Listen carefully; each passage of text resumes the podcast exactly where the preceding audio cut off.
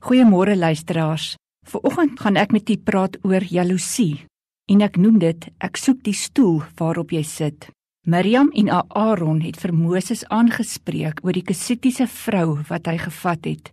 Want hy het met 'n Kesitiese vrou getrou. Het die Here dan net deur Moses gepraat, wou hulle ook nog weet. En nie ook deur ons nie. Die Here het dit gehoor.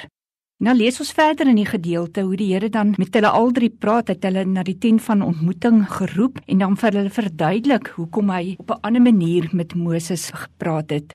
God het vir Miriam en Aaron in sy diens gebruik.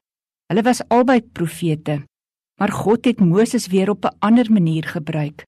Hy het meer direk met hom gepraat en Moses was 'n gerespekteerde leier onder sy mense.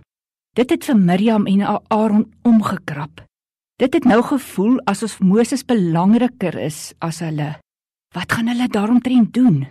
Kom ons vat vir Moses oor iets onbenulligs aan, net om hom te laat verstaan dat ons nie tevrede is met die stoel waarop hy sit nie. En toe vat hulle hom aan oor die vrou met wie hy getrou het. Luisteraars, dit is ironies dat dit medegelowiges is wat mekaar dikwels nie 'n plek in die lewe gun nie. Die ander een durf net nie meer gewild of sigbaar wees as ek nie. Dit moet ook net nie lyk asof God jou meer talente gegee het nie. Dan krap dit iets erg hier binne in my om. Net so is ons dikwels professioneel jaloers op mekaar by die werk. My kollega durf nie 'n hoër prestasiebonus kry nie. Of wanneer hy of sy met 'n briljante idee na vore kom, skiet ek dit af, al is dit tot voordeel van die maatskappy. Net nou word hy of sy bevorder en ek nie.